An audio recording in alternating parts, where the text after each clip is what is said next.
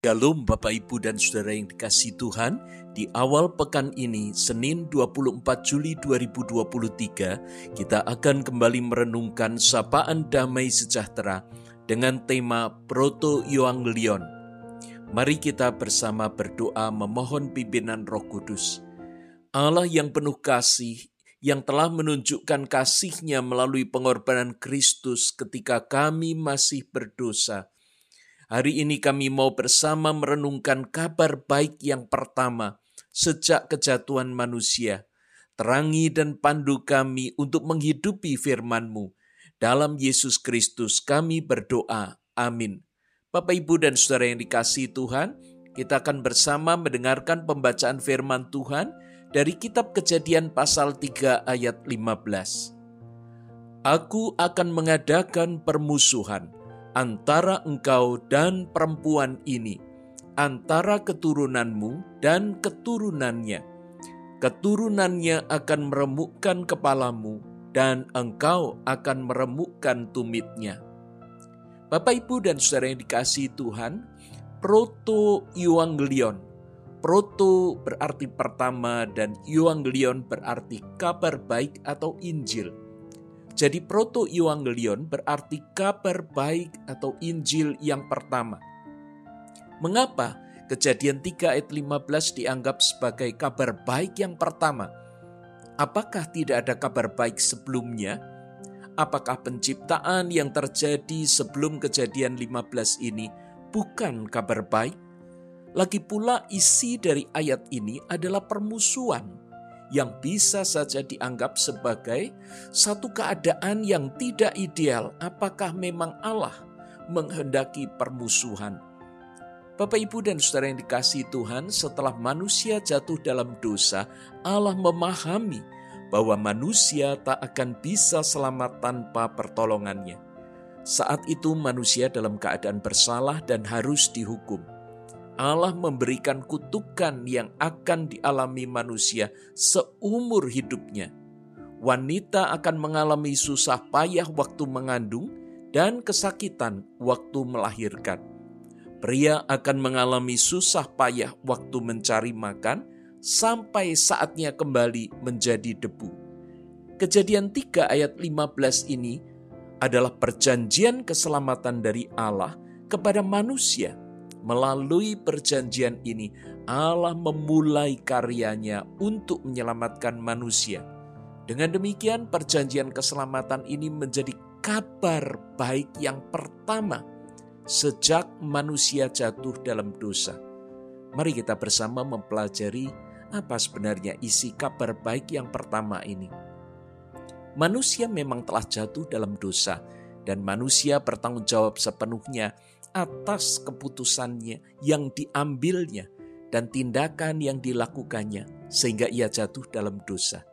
Namun kita juga tahu bahwa iblis telah memperdaya manusia sedemikian rupa hingga akhirnya manusia tersebut jatuh. Karena itu Allah ingin manusia memahami peran iblis terhadap kejatuhannya serta menarik garis batas yang jelas manusia harus menyadari bahwa iblis adalah musuh yang harus dikalahkan.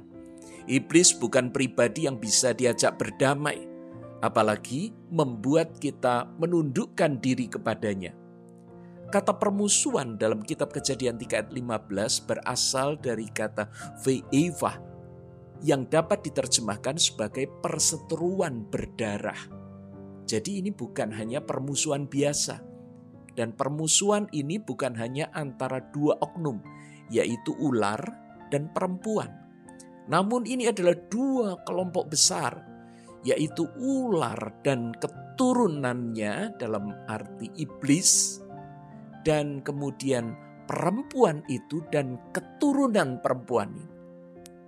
Bapak, Ibu, dan saudara yang dikasih Tuhan, ini berarti permusuhan itu tidak akan pernah padam Mengapa Allah menekankan permusuhan? Bukan karena Allah senang permusuhan, namun karena iblis adalah musuh yang membawa manusia kepada kematian kekal. Iblis terus mencari mangsa untuk dapat bersamanya mengalami kematian kekal. Jika kita mengikuti sama hari Jumat 21 Juli yang lalu, kita telah dibawa untuk mengenali siapa yang membuat manusia itu jatuh. Iblis adalah musuh yang sangat cerdik. Bahkan dia menggunakan media, dalam hal ini ular sebagai binatang yang paling cerdik. Iblis juga rajin dan sigap mengincar kita setiap waktu seperti singa yang mengaum-aum dan mencari orang yang dapat ditelannya. Tanpa menyadari bahwa iblis adalah musuh, maka manusia akan menjadi sasaran empuk yang akan dimangsanya. Karena permusuhan ini bukan hanya antara dua oknum, maka iblis bukan hanya mau menjatuhkan Adam dan Hawa, namun juga seluruh umat manusia maka seluruh manusia yang menjadi keturunannya juga harus diberitahu agar tidak menjadi korban, yaitu mengalami kematian kekal. Ada hubungan antara kata akef yang diterjemahkan tumit dan Yaakov yang diterjemahkan Yakub. Ular akan meremukkan tumit. Nah, tumit ini merujuk kepada peristiwa di kayu salib di mana kaki Yesus dipaku tetapi keturunan Yaakov, Yakub akan meremukkan kepala ular ini. Dan kalau kita perhatikan, maka kata yang digunakan adalah keturunan dari perempuan ini. Dan kita tahu bahwa perempuan ini yang kemudian akan melahirkan Yesus. Yesus lahir bukan dari benih antara pria dan wanita. Dikandung oleh roh kudus dari Allah sendiri tetapi kemudian dia meminjam rahim Maria. Dan Yesus inilah, Sang Mesias inilah yang akan meremukkan kepala ular. Setelah manusia jatuh dalam dosa, ada dua hal yang harus diselesaikan agar ia bisa selamat. Yang pertama adalah penebusannya, agar dia tidak mengalami kematian kekal. Yang kedua adalah mengalahkan musuhnya, yaitu iblis sehingga manusia tidak terus diperbudak dan hidup dalam dosa. Tanpa penebusan, manusia akan tetap mati, binasa, tidak akan mendapat hidup kekal. Roma 5 ayat 15 mengatakan, karena pelanggaran satu orang, semua orang telah jatuh di dalam kuasa maut. Persetuan perseteruan berdarah yang telah terjadi menuntut penumpahan darah kurban yang tak berdosa sebagai korban pendamaian. Karena itu satu-satunya kurban yang bisa memperdamaikan manusia dengan Allah hanyalah darah Kristus. Bagian kedua yaitu mengalahkan musuh. Sebetulnya ada dua hal yang harus dikalahkan. Yang pertama adalah maut, kematian itu. Dan yang kedua adalah iblis. Yohanes 8 ayat 44b mencatat bahwa iblis adalah pembunuh manusia sejak semula dan tidak hidup dalam kebenaran sebab di dalam dia tidak ada kebenaran. Tidak akan pernah ada yang bisa mengalahkan maut selain Allah. Karena hanya Allah sum, sang sumber kehidupan yang berkuasa atas maut Allah telah membuktikan bahwa ia mampu mengalahkan maut dengan membangkitkan Yesus. Kita percaya bahwa dia juga akan membangkitkan semua umat manusia pada akhir zaman. Dan jika kita menyadari bahwa iblis adalah musuh, maka kita akan sangat berhati-hati dalam menghadapinya. Kita tidak akan bermain-main dengannya, dan kita akan sungguh memperlengkapi diri dengan kebenaran-kebenaran Allah bukan kebenaran manusia yang bisa dikalahkan oleh iblis.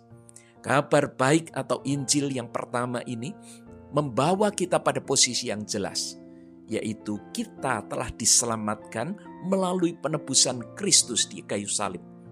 Dan kita harus berani melawan dan mengalahkan musuh kita, yaitu iblis. Karena itu, jangan pernah menyerah dan membiarkan diri untuk diperbudak iblis. Mari kita berdoa. Allah sumber keselamatan, kami bersyukur karena Engkau telah menebus kami dari kematian dan cara hidup yang sia-sia dengan darah yang mahal yaitu darah Kristus, sama seperti darah anak domba yang tak bernoda dan tak bercacat. Kiranya kami dikuatkan untuk berdiri teguh dan setia sampai kedatangan Kristus kembali. Amin.